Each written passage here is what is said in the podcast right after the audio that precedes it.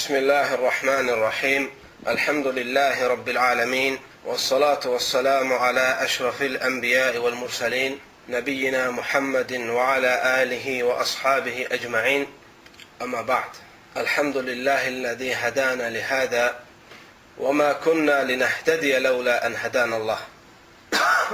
اللهم لا علم لي إلا ما علمتني وعلمني بما ينفعني وزدني علما. رب اشرح لي صدري ويسر لي أمري واحلل عقدة من lisani yefqahu qavli. Möhtərəm və əziz qardaşlarım və bacılarım, Əssəlamu aleykum və rəhmətullahi və barakatuh.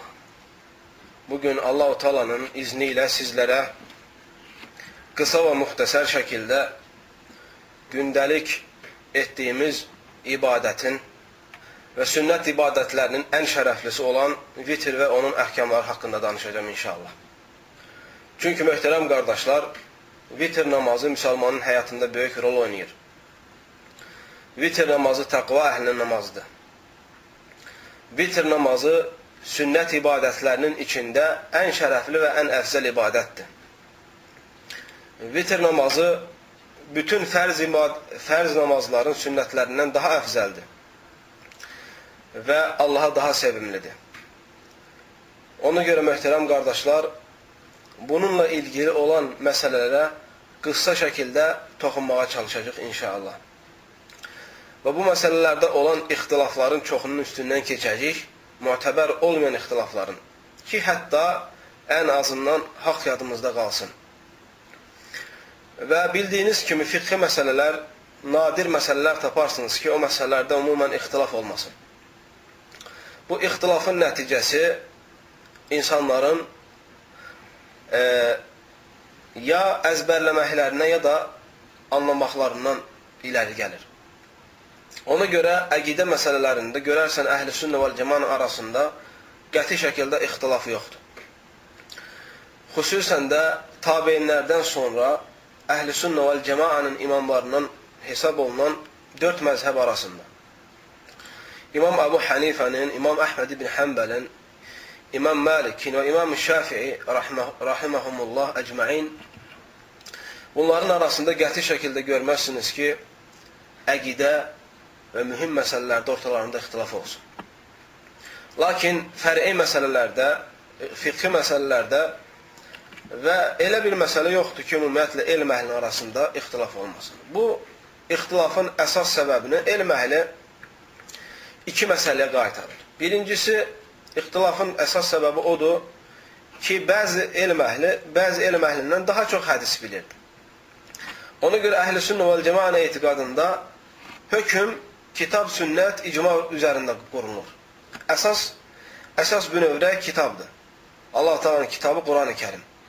İlk məsələdə dəlil axtarırlar ki, Quran-ı Kərimdən.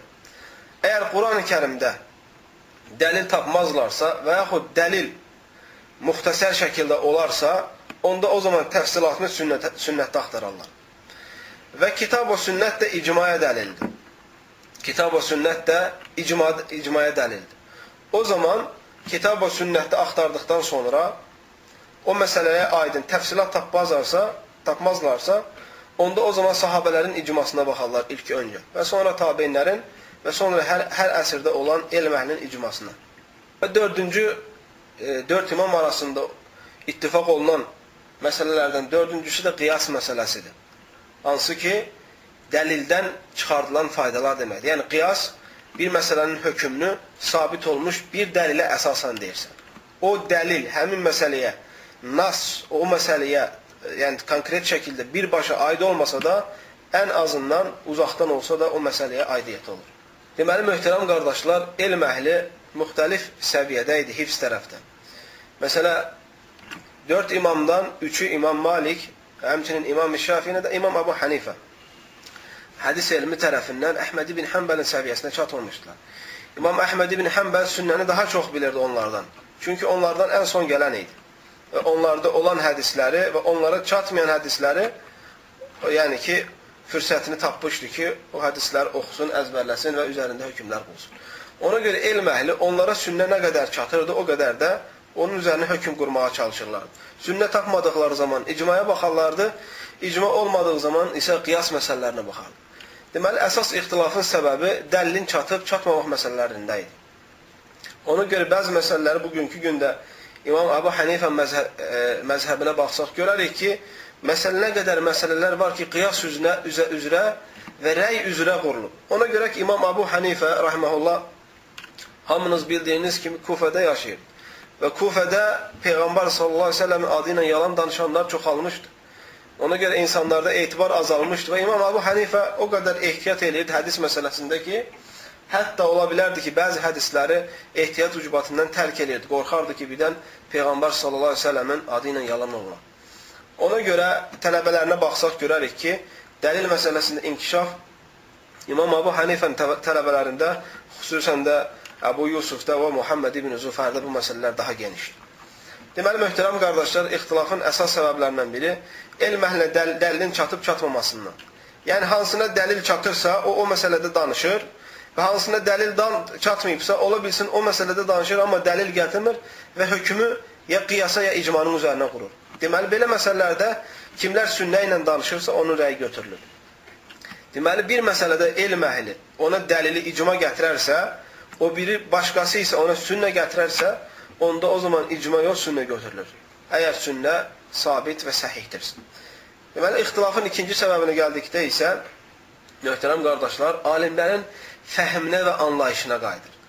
Çünki bildiyimiz kimi Allahu Teala insanları fərqli yaratmışdır. Həm dərrakəliyində, həm də bütün başqa başqa e, yəni ki, yaradılış e, növlərində. Hətta subhanallahil azim siz e, təəccübün və Allah Taala'nın hikmətinin və Allah Taala'nın qüdrətinin böyüklüyünə baxın. Dünyada bugün milyardlarla insan yaşamağına baxmayaraq heç kəsin barmaq izi başqasının barmaq izinə bənzəmir. Bugün yer kürəsində 4 milyarddan çox insan yaşayır. Hamısını yan-yana qoysan, hər kəs öz barmağının basmasını bassa, görərsiniz ki, hamının barmağının basdığı izlər fərqli-fərqlidir. Bu Allah Taala'nın yaratdıqlarında olan ən böyük hikmətdən və Allahın qüdrətinə dəlalət edən məsələlərdəndir. Deməli, adicə cüz'i yaradılışda fərq varsa, e, insanların eyni zamanda yaradılışında kimi hündür olur, kimi qısa olur, kimi arı olur, kimi kök olur, kimi qara, kimi ağ. Deməli, insanların yaradılışında fərq olduğuna görə, insanların ağlında da, insanların fəhmində, anlayışında da fərq var. Ona görə ixtilafın, e, fiqhi məsələlərdə olan ixtilafın ikinci səbəbi də budur. Ola bilər ki, eyni iki elm əhli, hər, hər ikisi eyni dəlil gətirirlər bir məsələyə. Hər ikisi eyni dəlil gətirirlər. Lakin dəlilin anlayışında fərq var. Ola bilsin ki, birinin birinə sahabələrin təfsiri çatıb, o birinə çatmayıb. Və bu birisi təfsiri sahabənin təfsirini eləyir, o birisinə çatma, çatmadığına görə özü ictihad eləyir.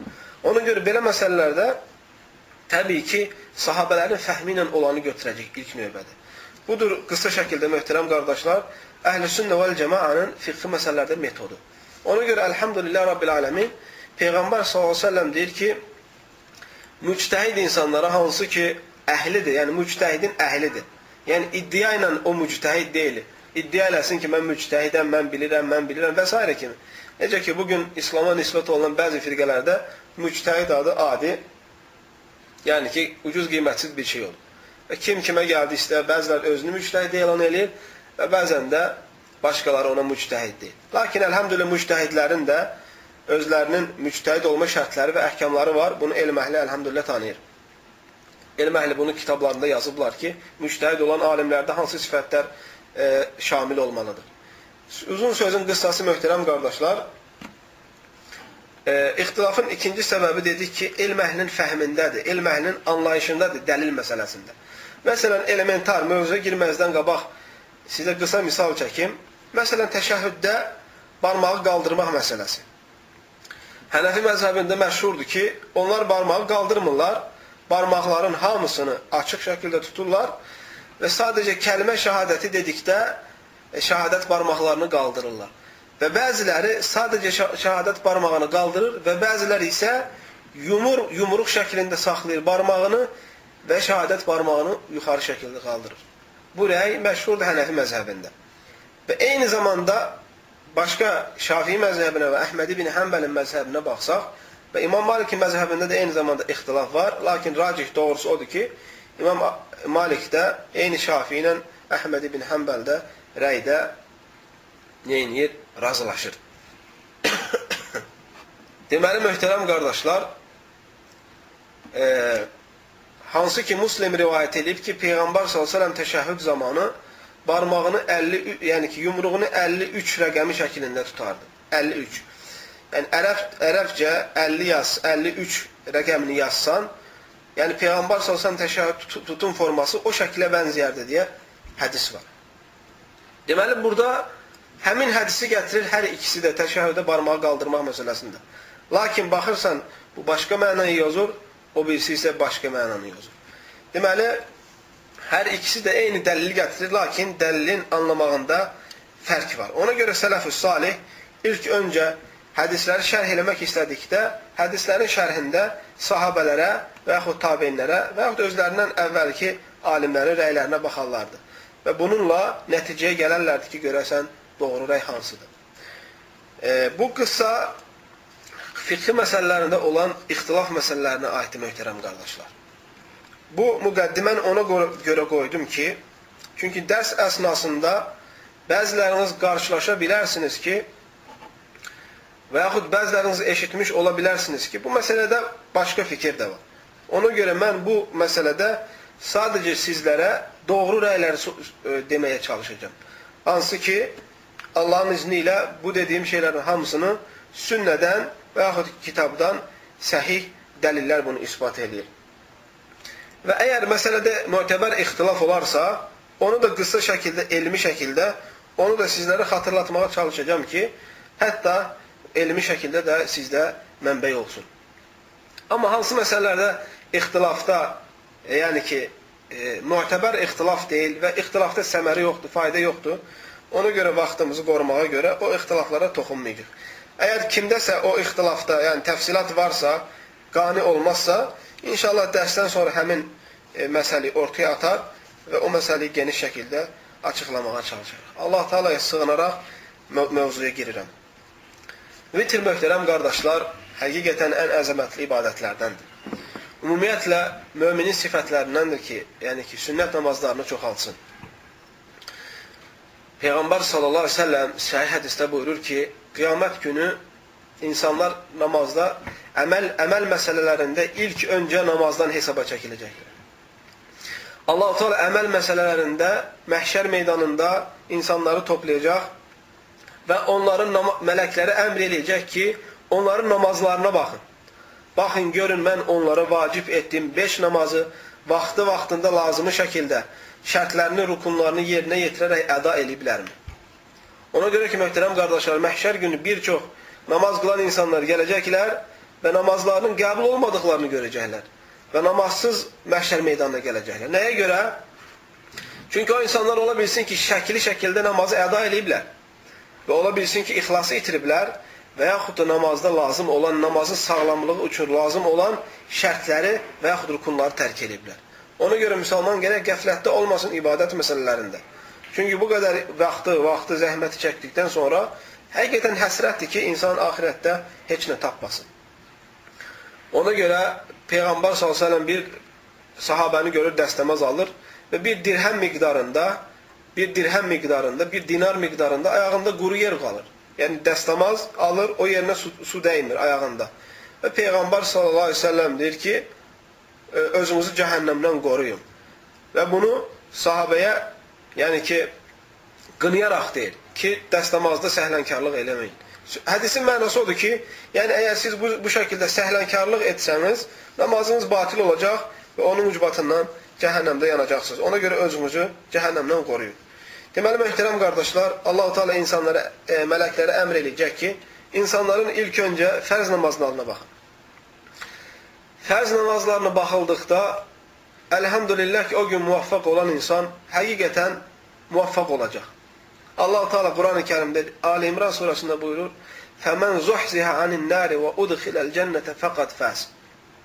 Kim o gün cəhənnəmdən uzaqlaşdırılıb cənnətə daxil ediləcəksə, o insan nicat, həqiqətən nicat tapacaq. O insan həqiqətən qurtuluşa uğrayacaq.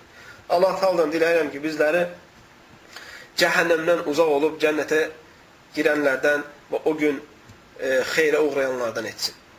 Möhtərəm, əziz qardaşlarım və bacılarım, əgər insanın axirət günü fərz namazları naqis gəlsə, çatışmasa, namazların bəziləri, yəni ki, əda olunmamış şəkildə, naqis şəkildə gəlsə, o zaman Allah-u Teala rəhmətinə baxın, möhtərəm qardaşlar, mələklərə deyəcək ki, onda o zaman onun sünnət namazlarına baxın.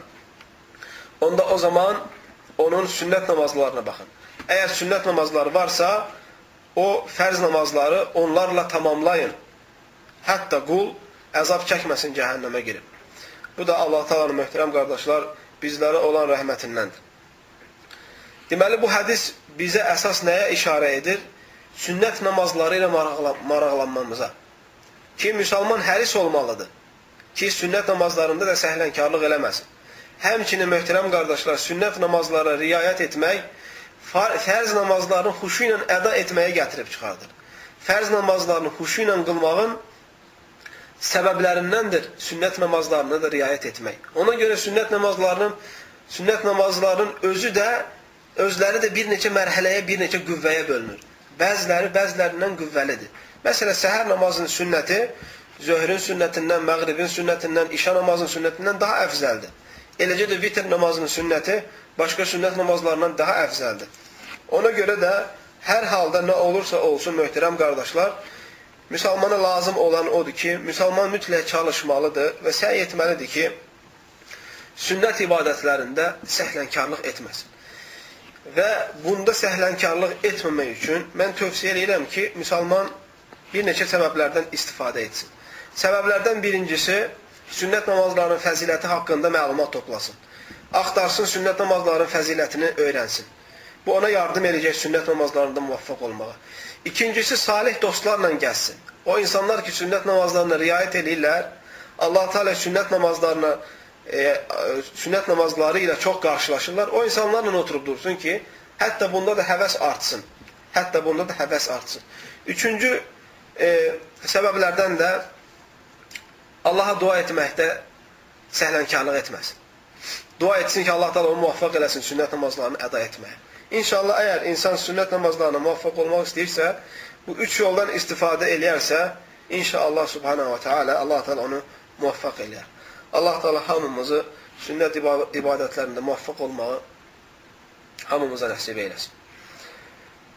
Möhtərəm, əziz qardaşlarım və həmçinin başqa bir hədisdə İmam Buxarinin və Muslimin rivayət etdiyi hədisdə Peyğəmbər sallallahu aleyhi ve sellem deyir ki, Allah-u Teala'nın ən sevdiyi, fərz namazlardan sonra ən sevdiyi ibadətlər, yəni Allaha insanı yaxınlaşdıran ibadətlər Allah talanın yəni bizə vacib etmədiyi sünnət namazları ilə ona yaxınlaşmamızdır.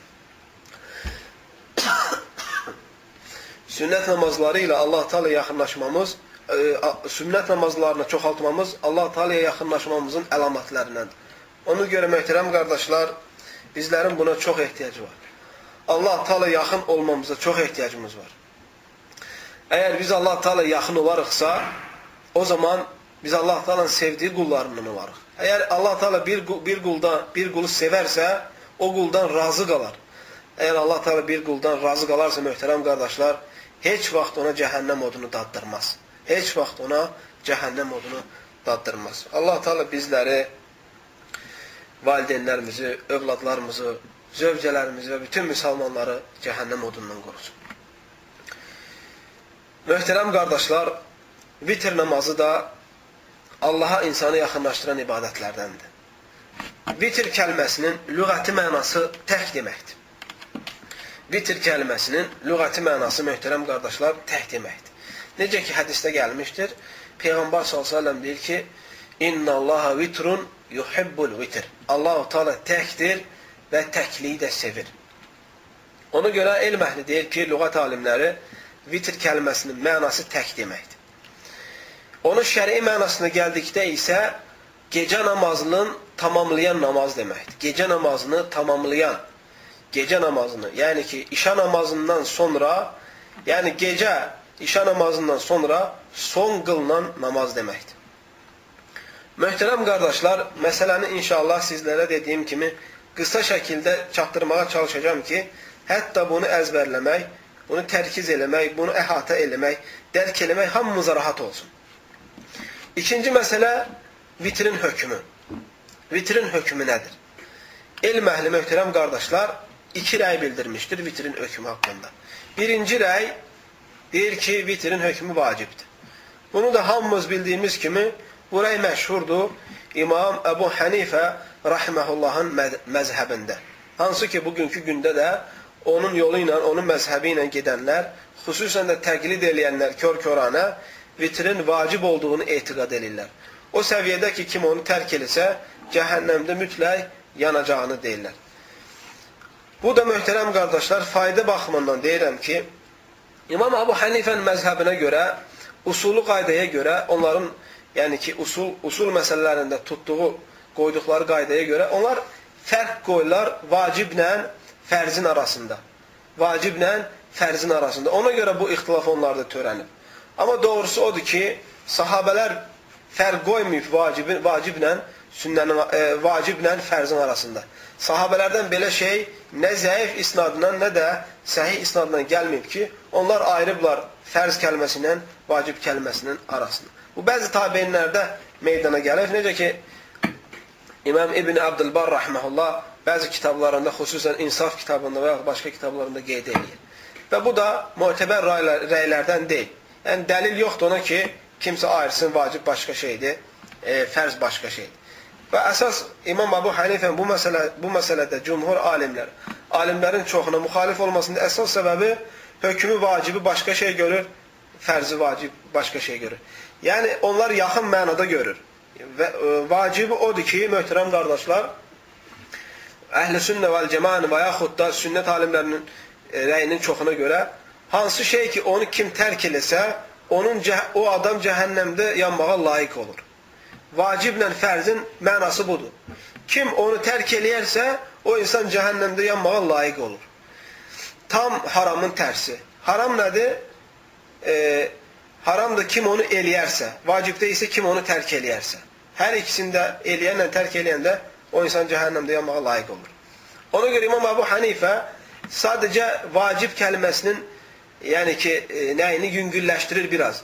Deyir ki, fərzdən biraz aşağı səviyyə tutan və sünnədən yuxarı səviyyə tutan mənanı nəzərdə tutur. Amma təbii ki, dediyim kimi, vaciblə fərzi ayıran nə kitabda, nə sünnədə, nə də sələf-ı salihdən, yəni sahabələri qəst edirəm, bunu ayıran heç bir nədir, dəlil yoxdur. İkinci rəy odur ki, vitr namazı sünnədir, sünnətdir və yaxud sünnə müəqqədədir. Yəni ki, sünnətin yuxarı səviyyə, yuxarı mərtəbəsindəndir. Tərk olunması məsləhət olmayan sünnədəndir. Və bunu möhtərəm qardaşlar, elm əhlinin çoxu deyilir. Elm əhlinin çoxu İmam Əhməd ibn Həmbəl, İmam Şafii, İmam Malik və bütün sahabələr və bütün sahabələr İmam İbn Abdülbar rahmeullah deyir ki, sahabələrin birindən gəlməyib ki, desin ki, vitr namazı vacibdir. Nə də onların onların hamısı icma edib ki, vitr namazın hökmü sünnətdir. Və buna həqiqətən dəlillər çoxdur. Və dəlillərdən birincisi Əli radiyallahu anhudan gələn hədisin e, hədis. Hansı ki hədisi İmam-ı Tirmidi, həmçinin İmam Abu Davud və həmçinin İmam-ı Nəsai öz sünən kitablarında rivayət etmiş. Hədisi İmam Albani rahmehullah eyni zamanda səhihləşdirmişdir. Əli radiyallahu anh deyir ki: "El-vitru leysa bihatim ka salatikumul maktuba." ولكن رسول الله صلى الله عليه وسلم قال إن الله vitrun yuhibbul vitr feavtiru ya ehlel Kur'an. El radıyallahu anh deyir ki vitir namazı sizin üzerinize vacib olan fərz namazları kimi değil. Bu açıq aşkar bəllidir möhtərəm qardaşlar, təfsirata ehtiyacı yoxdur. El radıyallahu anh deyir ki vitir namazı sizin qıldığınız vacib namazlar kimi değil. Lakin Peyğəmbər s.ə.v deyir ki Allah-u Teala təhdir, təhliyi sevər Ey Quran əhli vitr namaz qılır. Ey Quran əhli vitr namaz qılır. Deməli, Əli radiyallahu anh açıqlayır bu hədisdə ki, Peyğəmbər s.ə.v tövsiyə eləyir və bunu əmr formasında demir. Və həmçinin hamınız bildiyiniz Buxaridə, Müslimdə gələn uzun hədisdə Peyğəmbər s.ə.v Ərabinin, bədəvinin hədisində gəlir soruşur, deyir, ya Rasulallah, Allah Teala mənə vacib edilən ibadətlər hansıdır? Peyğəmbər s.ə.v deyir ki, kəlmə şəhadət, namaz qılmaq, oruç tutmaq, gündə 5 dəfə namaz qılmaq, e, oruç tutma, zəkat vermə, həccə getmə və s. Burada ortada gəlir nə möhtərəm qardaşlar? Peyğəmbər sallallahu əleyhi gündə 5 dəfə namaz qılmaq. Gündə 5 dəfə namaz qılmağın. Və deyir ki, ya Rasulullah, əlavə Peyğəmbər sallallahu əleyhi əlavə heç bir şey sənə vacib deyil. Sənə vacib olan 5 vaxt namaz sadəcə. Əgər özün əlavə nəsə qılmaq istəsən, o da xeyirdir. Yəni İslam dinində bu açıq-aşkar dəlillərdəndir ki, Allah Teala bizlərə vacib eləyən 5 vaxt namazdır. Səhər namazı, günorta namazı, ilkindi namazı, məğrib namazı və yastı, yəni işa namazı. Deməli, bunlardan əlavə olunan ibadətlərin hamısı, hansı ibadət olursa olsun, hamısı sünnət hökmünə girir. Və həmçinin möhtərəm qardaşlar, İbn Ömər radiyallahu anh rivayət etdiyi hədisdə, hansı ki hədisi İmam Muslim və Tirmidhi və bin Məcə rivayət edir. Deyir, Peyğəmbər sallallahu aleyhi ve sellem səfər zamanı sünnə ibadətlərini mininin üstündə qılardı. Mininin üzərində qılardı. Mininin üstündə. Yəni, dəvənin üstündə qılardı Peyğəmbər s.ə.v səfərdə sünnət namazlarını. Və deyir ki, fərz namazını qılmaq istədikdə isə minini dayandırardı, yəni dəvəsini dayandırardı və üzərindən düşüb fərz namazını qılardı. Və sonra deyir ki, vitri də, vitri də mininin üstə, üstünə mindikdən sonra qılardı.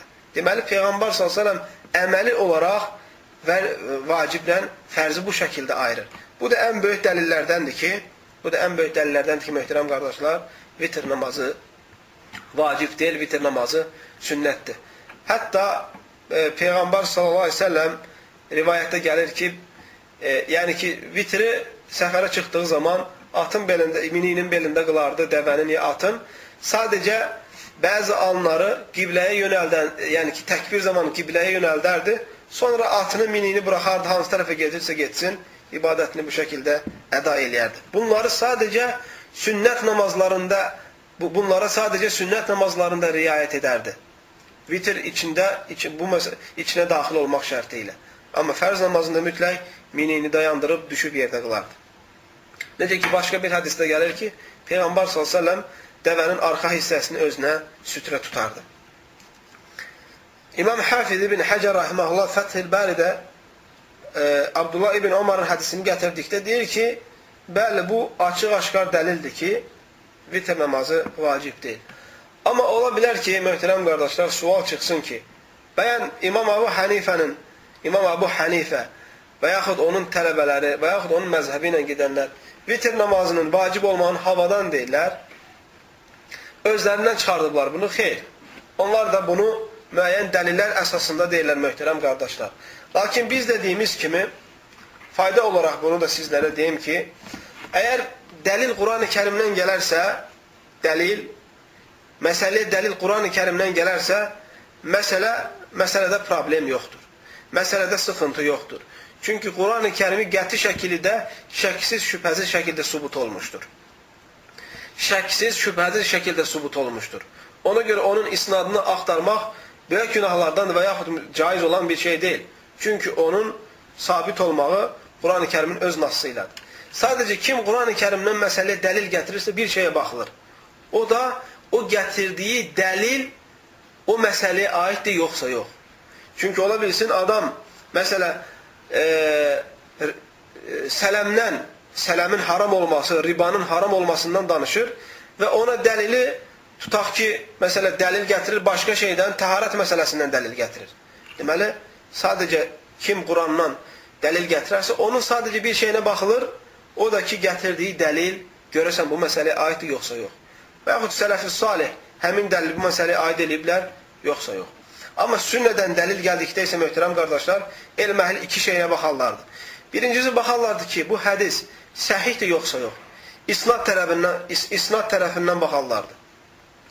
Əgər isnad tərəfindən, isnad baxımından səhih olsa, əlhəmdülillah. Ondan ikinci məsələyə baxarlardı, o da görürsən bu hədis bu məsələyə aiddir, yoxsa bu məsələyə aid deyil. Ona görə, bu məsələyi ona görə gətirdim ki, Kimlər vitrə vacib deyir, onlar da bunu boşu-boşuna deyir, onlar da dəlil gətirir. Lakin gətirdikləri dəlillər sahih, səhih dəlillər deyil. Ona görə bu iki şərtdən biri olmadığına görə bu məsələdə, bu məsələyə gətirdik dəlillər, gətirdikləri dəlillər uyğun gəlmir. Ona görə də əməl olunmur. Ona görə də vacib hüccəti iptal olunur. Ona görə möhtərəm qardaşlar, ən məşhur vitri vacib görənlərin ən məşhur dəlili İmam Hakim rahiməhullahın, həmçinin İmam Əbu Davud rahiməhullahın Bureydə radiyallahu anh gətirdikləri hədisdir. Hansı ki, deyir ki, Əl-vitru haqqun fəmən ləm yutir fələysə minnə. Vitr haqdır, haqq ibadətdir. Kim vitr namazını qılmazsa bizdən deyil. Bunu dəlil gətirirlər. Lakin möhtərəm qardaşlar, sizlərə dediyim kimi bu hədis səhih deyil. Və İmam Albani rahmehullah bu hədisi İrva-il Qalildə bu hədis haqqında geniş danışır və həmçinin Mişkət-ül Masabih kitabında və son nəticə gəlir ki, bu hədis Peyğəmbər s.ə.v-in deyil, sabit deyil. Və həmçinin İmam İbn-i Cəvzi rəhməhullah bu hədisin zəif, bu hədisin səhih olmadığını bildirir. Ona görə əgər hədis hökm məsələsində e, vacibliyini, e, yəni ki, e, zəifliyini itirərsə, onda o, o zaman o dəlili hüccət olaraq gətirmək doğru deyil. Və həmçinin onların gətirdikləri başqa dəlil var, hansı ki İbn Əbi Şeybə, İbn Əbi Şeybə rahmehullah Musannaf kitabında gətirir. Və deyir ki, Peyğəmbər s.ə.v deyir ki, əl-vitru vacib. Vitr vacibdir. İmam Hafiz ibn Həcər rahmehullah Fəthül Baridə Sahih Buxarinin şərhində deyir ki, bu hədis sabit deyil. Yəni Peyğəmbər sallallahu əleyhi və səlləmdən belə bir hədis sabit olmayıb. Ona görə də onlar gətirdikləri dəlil sabit olmadığına görə gətirdik, üzərinə qurduqları hökm də doğru olmur. Bu möhtərəm qardaşlar vitrin hökmü ilə ilgili məsələ idi. Amma fəzilətinə gəldikdə isə fəzilətinə həqiqətən dəlillər gətirməyə ehtiyac yoxdur. Fəzilətinə dəlil olaraq yetər ki, Peyğəmbər sallallahu aleyhi və səlləm vitr namazını nə səfərdə tərk eləməyib, nə də evində olduğu zaman tərk eləməyib. Daima bunu Peyğəmbər s.ə.v qılıb. Hətta xəstəlik ucbatından və yaxud unudaraq Peyğəmbər s.ə.v vitr namazını tərk eləsəydi, onu qəza eləyərdi. Necə ki, inşallah o məsələni e, sizlərə gətirəcəm. Axırda e, vitr namazını qəza eləyən hökmü, yəni vitr namazı qəza olur, yoxsa olmur bu məsələyə gəldikdə. Ona görə bu vitrin fəzilətinə dəlil olaraq kifayətdir. Amma ikinci məsələ möhtərəm, üç, üçüncü məsələ O da vitrin vaxtı. Görəsən vitrin vaxtı hansı vaxtdan başlayır və son vaxtı hansı vaxtı qutarır. Elm əhli möhtərəm qardaşlar icma eləyib ki, vitri, vitrin vaxtı işa namazından, yəni yastı namazından sonra başlayır. Vitrin ilk vaxtı budur.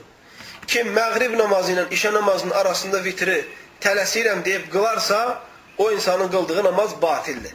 Çünki elm əhli icma eləyib Bir nəfər də ixtilaf eləməyib ki, onun vaxtı nə zamandır? İşa namazının so işa namazından sonra başlayır. Təbii ki, səfərdə olan adam istisna. Səfərdə olan adam istisna olmaq şərti ilə. Çünki səfərdə olan adam ola bil ona icazəlidir ki, axşam namazı ilə, yəni yastı namazı ilə axşam namazını birləşdirsin. Yastı namazı ilə məğrib namazını birləşdirsin. Əgər yastı namazını məğrib namazının vaxtına çəkərsə, səfərdə, onda o zaman vitri də qılmaq istəyərsə bu icazəlidir. Bu zərurət anıdır, səfər anıdır. Amma səfərdə olmayan insan üçün elm əhli icma eləyib ki, sahabələrdən ta bugünkü günə kimi vitrin ilk vaxtı yastı namazından, işa namazından sonra başlayır.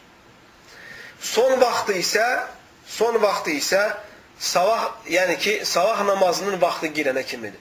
Amma Elm əhli vitrin son vaxtına gəldikdə isə ixtilaf eləyiblər. Son vaxtı nə vaxt bitir deyə.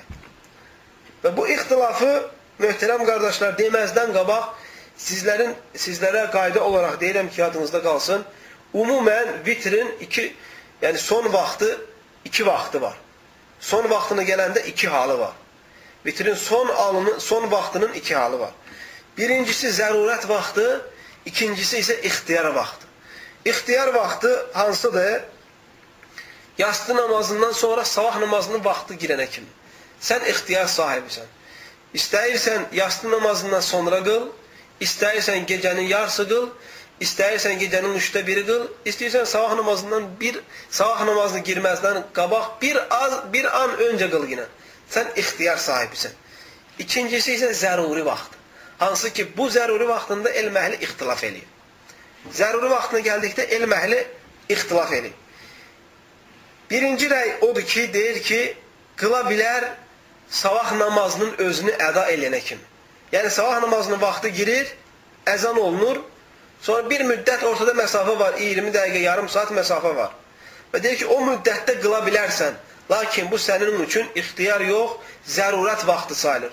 Özün ixtiyarın, yəni seçərək bu vaxtı gecikdirməyin doğru deyil. Amma unudaraq və yaxud yataraq və yaxud yorğunluqdan vaxtı, sabah namazı vaxtı girənə kimi əda edə bilməzsənsə, onda o zaman sabah namazının özünü qılana kimi bunu zərurət olaraq qıla bilərsən. Bunu möhtərəm qardaşlar, elm əhlinin çoxu deyil. Elm əhlinin çoxu deyil. Necə ki, İbn-i Əbdülbar rəhməhullah bunu öz kitablarında, bir neçə kitablarında vitr haqqında danışında geniş şəkildə qeyd edir. Və bu rəyi deyən elm əhlindən çoxdur. Sahabələrdən gəldikdə bu rəyi dəstəkləyən Abdullah ibn Məsud və həmçinin Abdullah ibn Abbas və həmçinin Ubadət ibn Samit. Və həmçinin, həmçinin Əbu Dərdə və həmçinin Hüzeyfət ibn Yəməni və həmçinin Aişə radiyallahu anhə məzhəblərə gəldikdə isə burayı İmam Malik rahiməhullah və həmçinin İmam Şafii. Və həmçinin Əhməd ibn Həmbəl və başqa alimlər bu, burayı dəstəkləyir. Hansı ki, iki yerə bölürlər vaxtı. İxtiyar vaxtı, bir də zəruri vaxt. Zəruri vaxtına gəldikdə ikinci rəy Deyir ki, xeyr, zəruri vaxtı yoxdur vitrin. İkinci rəy deyir ki, zəruri vaxtı yoxdur vitrin. Sabah namazının vaxtı, yəni əzanın vaxtı girənə kimi qıldın, qıldın. Qılmadın, ondan sonra sən vitri qıla bilməzsən. Burayı da möhtərəm qardaşlar, sahabələrdən kiminsə dediyini tapmadım. Bu onu göstərir ki, birinci dediyim rəy sahabələr icma eləyib. Hansı ki, zərurət vaxtını qəbul ediblər, ixtiyar vaxtı və zərurət vaxtını. Amma ikinci rəydə sahabələrdən rəy tapmadım. Amma gördüm ki, bəzi tabeinlər bunu deyirlər. Onlardan Səid ibn Cübeyr və Məkhul və həmçin Ata ibn Əbi Rabah və Sufyan-ı Thawri və İmam Əbu Hanifən tələbəsi Əbu Yusuf və Muhammed ibn Sufar. Deməli, möhtərəm qardaşlar, sahabələrdən olmadığına görə, ona görə birinci rəy daha doğrudur. Çünki sahabələr icma eləyib bu məsələyə. Bu barədə dəlillər çoxdur. Dəlillərdən biri Ayşə radiyallahu anhənin hədisi. Peyğəmbər s.ə.v buyurur, necə ki İmam Buxaridə gəlir, Peyğəmbər s.ə.v deyir, kullul leyli, Ayşə radiyallahu anhə deyir ki, Peyğəmbər s.ə.v deyir ki, kullul leyli vitrun. Və yaxud deyir ki, kənən nəbi s.ə.v yəqul, kullul leyl əvtir. Yəni Peyğəmbər s.ə.v deyir ki, bütün gecə, bütün gecəni vitir vaxtını kimi qıla bilərsən. Ayşə radiyallahu anhə də həmçinin gəlir ki, başqa bir ləfzlə, başqa bir ləfzlə deyir, Peyğəmbər s.ə.v gecənin bütün vaxtlarında vitri qılardı. Və son vaxtını fəcr namazına kimi uzadardı. Son vaxtını fəcr namazına kimi. Demir fəcrinin, fəcrin vaxtına kimi. Əgər vaxtına kimi gəlsəydi, onda əzənin vaxtına kimi olardı və bu məsələdə dəlil olardı. Lakin deyir ki, sabah namazının vaxtına kimi. Deməli, bu hədisdən başa düşülür ki, Deməli, Peyğəmbər s.ə.v vitri zərurət vaxtda qılıb. Və həmçinin möhtərəm qardaşlar, başqa bir hədisdə gəlir, hansı ki, İmam Əhməd ibn Həmbəl Musnad kitabında rivayət edir və hədisi İmam Albani rəhməhullah səhiləşdirir. Deyir, Peyğəmbər s.ə.v vitri işa namazı ilə savah namazı vitri e, deyir Peyğəmbər s.ə.v belə dedi ki, vitr namazını işa namazından savah namazının arasında olduğu müddətdə qılın. Yəni vitr namazını vaxtı yastı namazının vaxtından, yəni işə namazının vaxtından sabah namazının vaxtına kimi qılın. Vitrin vaxtı budur. Bu hədisdən də açıq-aşkar başa düşülür ki, Peyğəmbər s.ə.v fəcrin vaxtını demir, fəcrin namazın özünü deyil.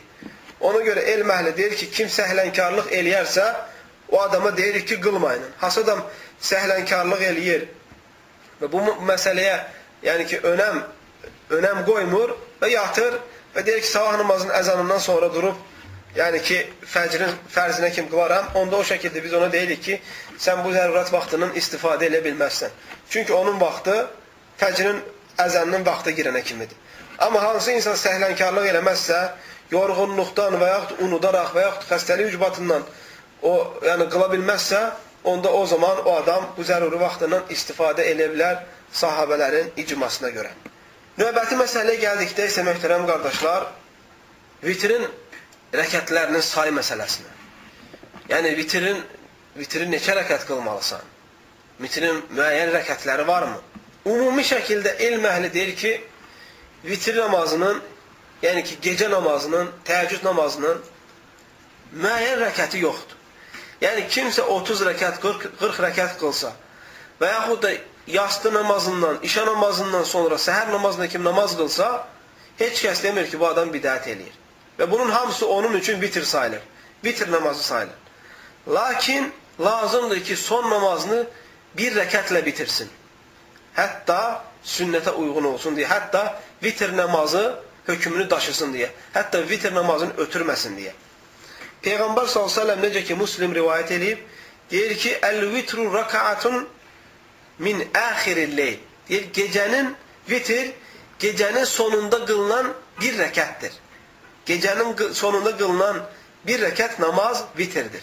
Deməli, sən gecə nə qədər istəyirsən namaz qıl, son, sonunu bir rəkət qılarsansa, sənin o qıldığın bütün namazların hamısı vitir hesab olunur. Lakin əfzəliyyətə gəldikdə hansı əfzəldir? Təbii ki, elm əhlinin çoxu möhtərəm qardaşlar deyir ki, 11 rəkət qılmaq vitri, yəni ki, təəccüd namazı kimi, təəccüd namazı hesab olunur eyni zamanda, bu ən əfzəl vaxtıdır. Və ona görə deyirlər ki, 11 rəkət də qıla bilərsən, bu ən əfzəlidir. 9 rəkət də qıla bilərsən vitri, 7 rəkət də qıla bilərsən, 5 rəkət də qıla bilərsən, 3 rəkət də qıla bilərsən, 1 rəkət də qıla bilərsən. Deməli, e, 11 rəkət qılsan, sonunu mütləq təkləmiş olursan. 9-nu qılmış olsan, mütləq təkləmiş olursan. Bunların hamısında sonunu təkləmiş olursan. Bunların hamısına dair sünnədə hədislər gəlmişdir. Yəni, Peyğəmbər s.ə.v bəzilərinə əməli olaraq, bəzilərinə qavli olaraq, söz olaraq bunların hamısına dəlil gəlmişdir. Yəni 11 rəkat qılınmasına, 9 rəkat qılınmasına, 7 rəkat qılınmasına, 5 rəkat qılınmasına, 3 rəkat və 1 rəkat qılınmasına. Necə ki, Peyğəmbər sallallahu aleyhi ve selləm e, Abdullah ibn Omarın hədisində gəlir, hansı ki, hədisi İmam Buxari və Muslim rivayət edir. Peyğəmbər sallallahu aleyhi ve selləm buyurur, deyir Peyğəmbər sallallahu aleyhi ve selləm Abdullah ibn Omar deyir ki, Kənən nəbiyyü sallallahu aleyhi ve selləm yusalli məsnə məsnə minəl-leyli və yutiru bir rəka'a. Deyir Peyğəmbər s.ə.v gecə 2-2 rəkat qılardı. Gecə namazını 2-2 rəkat qılardı. Və sonunu bir rəkatlə tamamlayardı. Deməli, bu hədis onu göstərir ki, gecə namazını 2-2 rəkat nə qədər istəsən qıla bilərsin. Başqa bir hədisdə gəlir möhtərəm qardaşlar, Əbi Əyyub radiyallahu anhın hədisində, hansı ki hədisi İmam-ın Nəsai, həmsin İbn-i Məcə rivayət edir. Bu hədisi Şeyx Albani səhiləşdirib. Peyğəmbər s.ə.v buyurur, Əl-vitru haqqun, vitir haqq, haqq namazıdır. Fəmən şəə əvtərə bi xamsin. Kim istəyərsə 5 rəkətinə 5 rəkət qıla bilər. Və mən şəə bi thələtin. Kim istəyərsə 3 rəkət qıla bilər. Və mən şəə bi vahidə. Və kim istəyərsə 1 rəkət qıla bilər. Başqa bir hədisdə İmam Abu Davudun rivayət etdiyi hədisdə Peyğəmbər sallallahu əleyhi buyurur: "Və men ahabba an yutira bi wahidatin falyef'al." Kim istəyərsə ki, vitri bir rəkat qılsın, deyir, onu etsin. Kim istəyərsə ki, bir rəkat qılsın, onu qılsın. Deməli, qavli olaraq Peyğəmbər s.ə.v gələn səh hədislərdə var ki, deyir ki, 5 rəkat da qıla bilərsən, 3 rəkat da qıla bilərsən, 1 rəkat da qıla bilərsən. Əməli olaraq da gəlib ki, Peyğəmbər s.ə.v vitri 7 rəkat qılardı və bəzən 9 rəkat qılardı və bəzən 11 rəkat qılardı. Deməli, bu namazın keyfiyyəsinə gəldikdə isə möhtərəm qardaşlar, əsl odur ki, sünnəyə ən uyğun şəkildə olan odur ki, hər iki rəkətdən salam verirsən, hər iki rəkətdən salam verirsən və sonunu bir rəkətlə tamamlayırsan. Sonunu bir rəkətlə tamamlayırsan. Lakin elm əhli icazə verir ki, 12 rəkəti hamısını salam vermədən arxa-arxaya qıla bilərsən. 12 rəkətin hamısını, 11 rəkətin hamısını salam vermədən arxa-arxaya hamısını qıla bilərsən. Lakin, necə ki, Ayşə radiyallahu anhə rivayət eləyir, 10-cu rəkətində oturub təşəhüdü oxuyursan, salam vermədən qalxıb 11-ci rəkəti qılırsan, onda da təşəhüdü oxuyursan və salam verirsən. Və bu şəkildə qılırsan. Yəni, son kütündə də təşəhüdü oxuyursan, və sonuncu rəkətdə də təşəhhüd oxuyursan. 9 qılmaq istəsən, 8-ci rəkətdə təşəhhüd oxuyursan, salam vermədən qalxıb 9-cu rəkətdə də təşəhhüd oxuyub sonra salam verirsən. Həmin qaydanı tətbiq edirsən 7 rəkətdə, həmin qaydanı tətbiq edirsən 5-ci rəkətdə. Amma təşəhhüd oxumadan birbaşa qılsan, sadəcə son rəkətində oxusan, bu da sünnədə eyni zamanda gəlmişdir. Lakin çox nadir şəkildə, az şəkildə ona görə ən çox gələn hər iki rəkətdə bir salam vermək və son rəkətini tək şəkildə qılmaq, sonra isə e, bir salamla iki təşəhhüdlə qılmaq, sonra isə bir təşəhhüdlə bir salamla qılmaq. Bu qısa şəkildə vitrin rəkətlərinin sayı və keyfiyyəti şəkili, e, şəkili bu şəkildədir. Qaldı möhtərəm qardaşlar, vitirdə e, növbəti məsələ, vitirdə hansı surələri oxumaq daha bəyənilir? Hansı surələr oxumaq daha bəyənilir? Deməli, vitr namaz deyən, deyəndə möhtərəm qardaşlar, ən çox nəzərdə tutulan son üç rəkətdir. Son üç rəkətdir. Yəni, iki rəkət və qıldığın tək rəkət. Ona görə elm əhli vitir deyəndə əsas bu üçünü nəzərdə tutulur. Çünki əməli olaraq ən çox tətbiq olunan bu olub. Ona görə Abdullah ibn Abbasdan radiyallahu anhumədən gəlir ki, deyir, Kənə Rasulullah sallallahu aleyhi və səlləm yəqra'u fil vitri fil rəkəatil ulə bisəbbih ismə rabbikəl ə'lə. Deyir, Peyğəmbər s.ə.v vitrin, yəni ki, 3 rəkət qılınan vitrin və yaxud da qılırsansa 11 rəkət nəzərdə tutulan son 3 rəkətidir. Və yaxud bütün, bütün gecəni qılırsansa nəzərdə tutulan son 3 rəkətidir.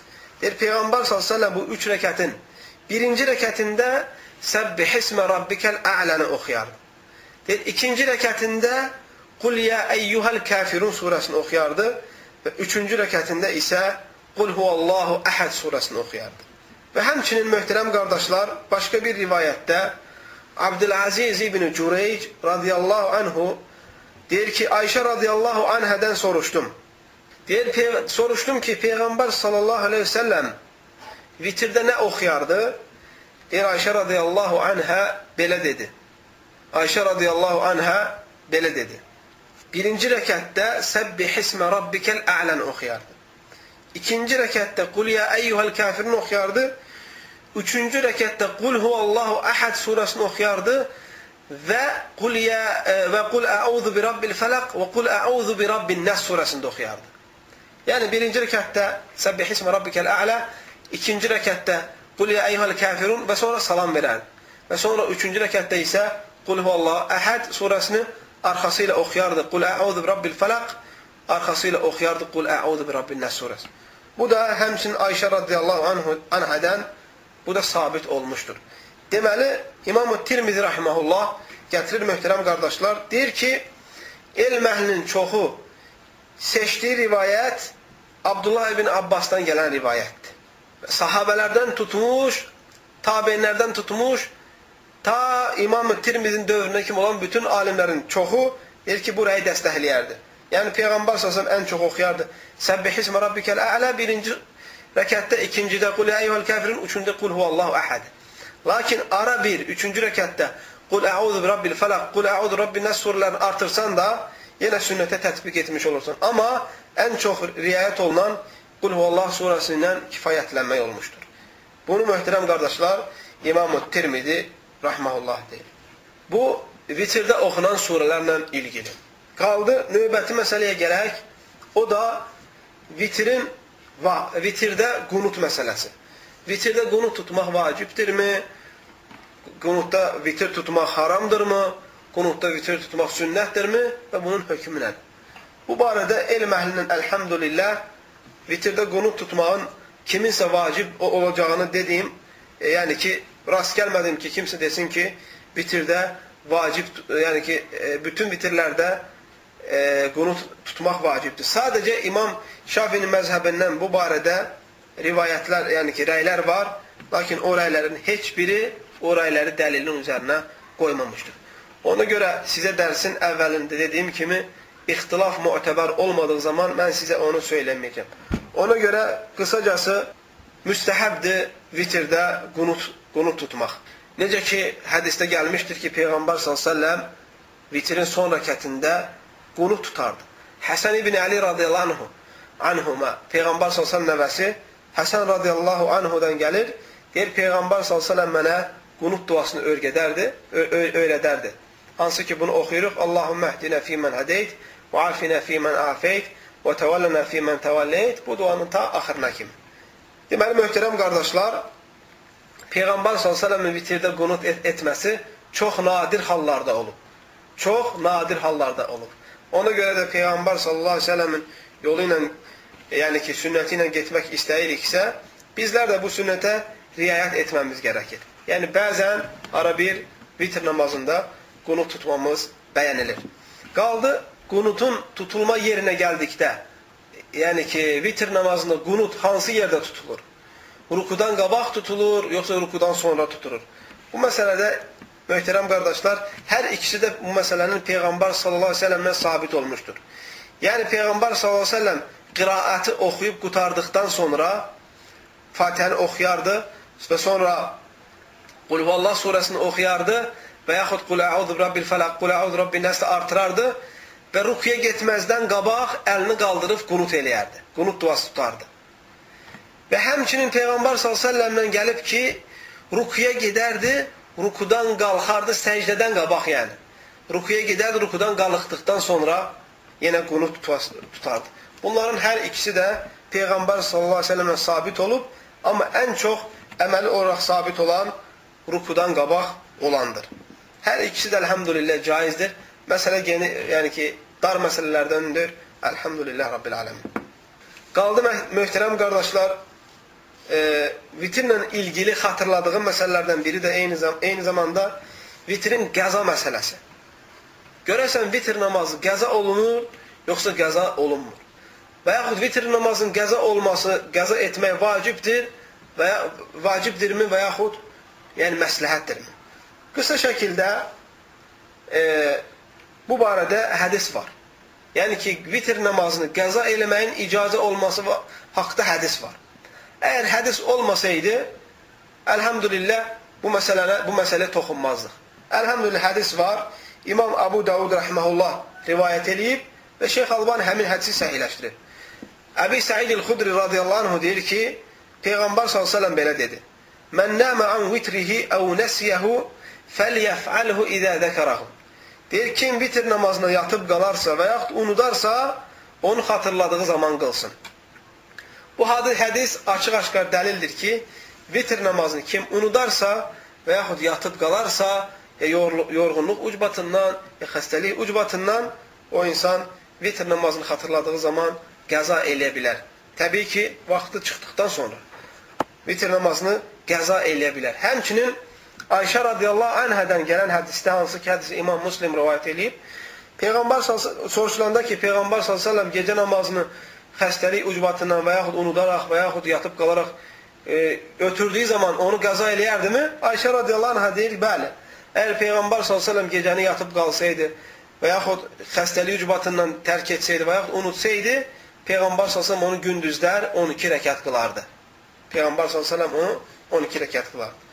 Ona görə bu hədisə isnadən, bu hədisə sökənərək, bu hədisə güvənərək elm əhli deyir ki, vitr namazını kim unudaraq və yaxud da yatıb qalaraq və yaxud da xəstəlik ucbatından qıla bilməzsə, qəzaya düşərsə, gün çıxdıqdan sonra duha namazının vaxtında, vaxtı müddətində, məsafəsində o zaman vitr namazını qəza eləyə bilər. Lakin küt şəkildə qəza etməlidir. Tək şəkildə yox. Yəni, əgər sən, sən adətən 3 rəkat qılırsansa, onda, onda 4 rəkat qılırsan. 4 rəkat qılırsan. Yəni, tək qılmırsan, küt-küt qılırsan. Bayaq dediyim hədisə isnadən. Əgər adətən 5 rəkat qılmaq idisə, 6 rəkat qılırsan. 7 rəkat qılmaq idisə, 8 rəkat və bu şəkildə. Əgər 1 rəkat qılırdınsa adətən, onda o zaman nə edirsən? 2 rəkat qılırsan. Yəni, vitri qaza eləyirsən, Amma bir şərtlə ki, küt, küt qılırsan. Bu möhtərəm qardaşlar, sizlərə bu an xatırladığım vitirlə ilgili məsələlər təxminən bu qədərdir. İnşallah nəyisə unutdumsa, onu da mənə xatırlada bilərsiniz Allah talan izni ilə. Qaldı vitirlə ilgili son məsələyə toxunmaq istəyirəm. O da vitri qılan adam və yaxud təcüd namazını qılan adam. E, onu qılmaq üçün hansı ədəblərdən istifadə etməlidir? Çünki əlhəmdülillah möhtərəm qardaşlar, bizim dinimiz İslam dini ədəb ərkan dinidir. İslam dini ədəb, ərkan üzrə qurulmuş dinlərdəndir.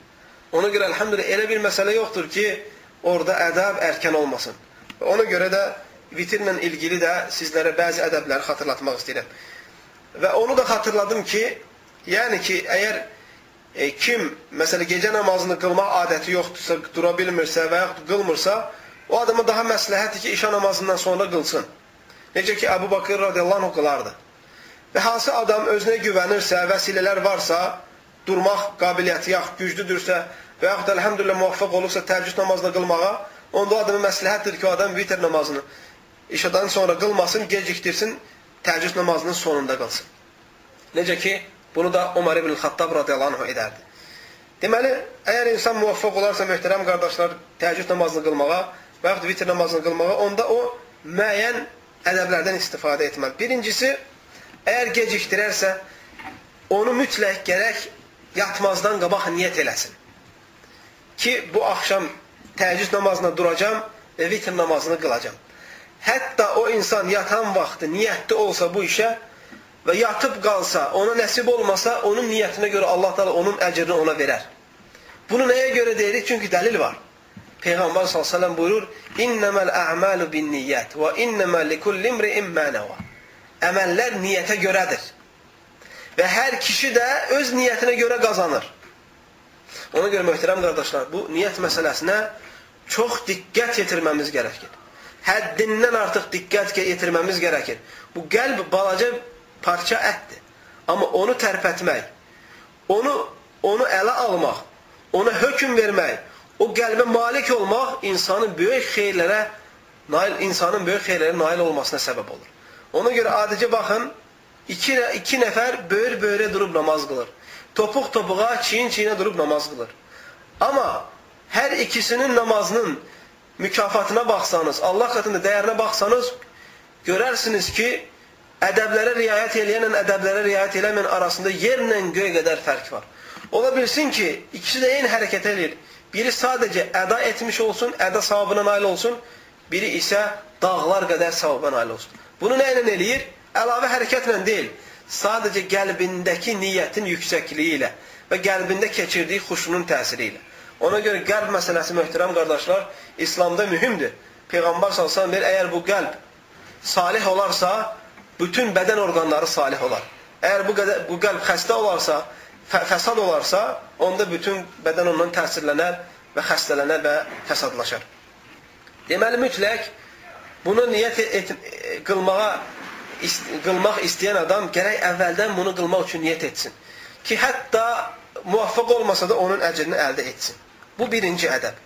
İkinci ədəb, gərək qalxanda insan ilk ilk etməyə çalışdığı şey dəstəmaz alsın.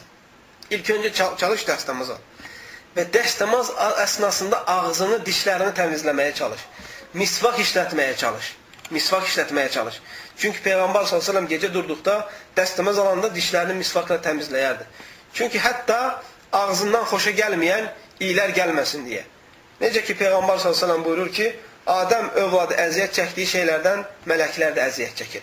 Ona görə sən danışdığın zaman, namaz qıldığın zaman Allahla birbaşa danışmış hesab olunursan. Yəni Allah Taala'nın vəhy etdiyi ayətləri, Allah Taala'nın sözlərini danışmış olursan, onu təkrarlamış olursan. Ona görə yaxşıdır ki, ədəblərdəndir ki, ağzından gözəl qoxu gəlsin, gözəl iyi gəlsin.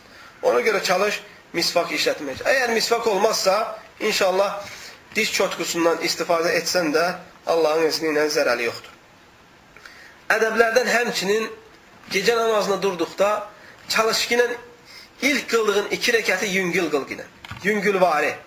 Çünki ilk qıldığın ola bilsin insan yuxulu olur, və yaxud halsız olur, fikri dağınıq olur.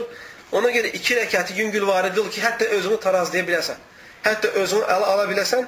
Çünki hə həmçinin də Peyğəmbər s.ə.v-in əməli sünnəti gecə namazında belə idi. İlk durduqda yüngülvari iki rəkat namaz qılardı və sonraki növbət namazlarını uzatmağa çalışardı. Və həmçinin ədəblərdə möhtərəm qardaşlar, gecə namazını bacardığın qədər qıl ginən. Gecə namazlarını bacardığın qədər qıl ginən. Yəni bir gecə durub 60-70 rəkat qılıb, özünü həkdən salıb, sonra 2-3 il namaz qılmırsan. Belə bu şəkildə eləmə. Çünki Peyğəmbər s.ə.v buyurur ki, əməllərin ən xeyirlisi davamlı olanıdır, az da olsa belə. Baxın, dəlil hardadır? Əməllərin ən xeyirlisi davamlı olanıdır, az da olmağı, az, az olsa belə. Ona görə çalışın, bacardığınız qədər qılın və özünüzü yükləməyin.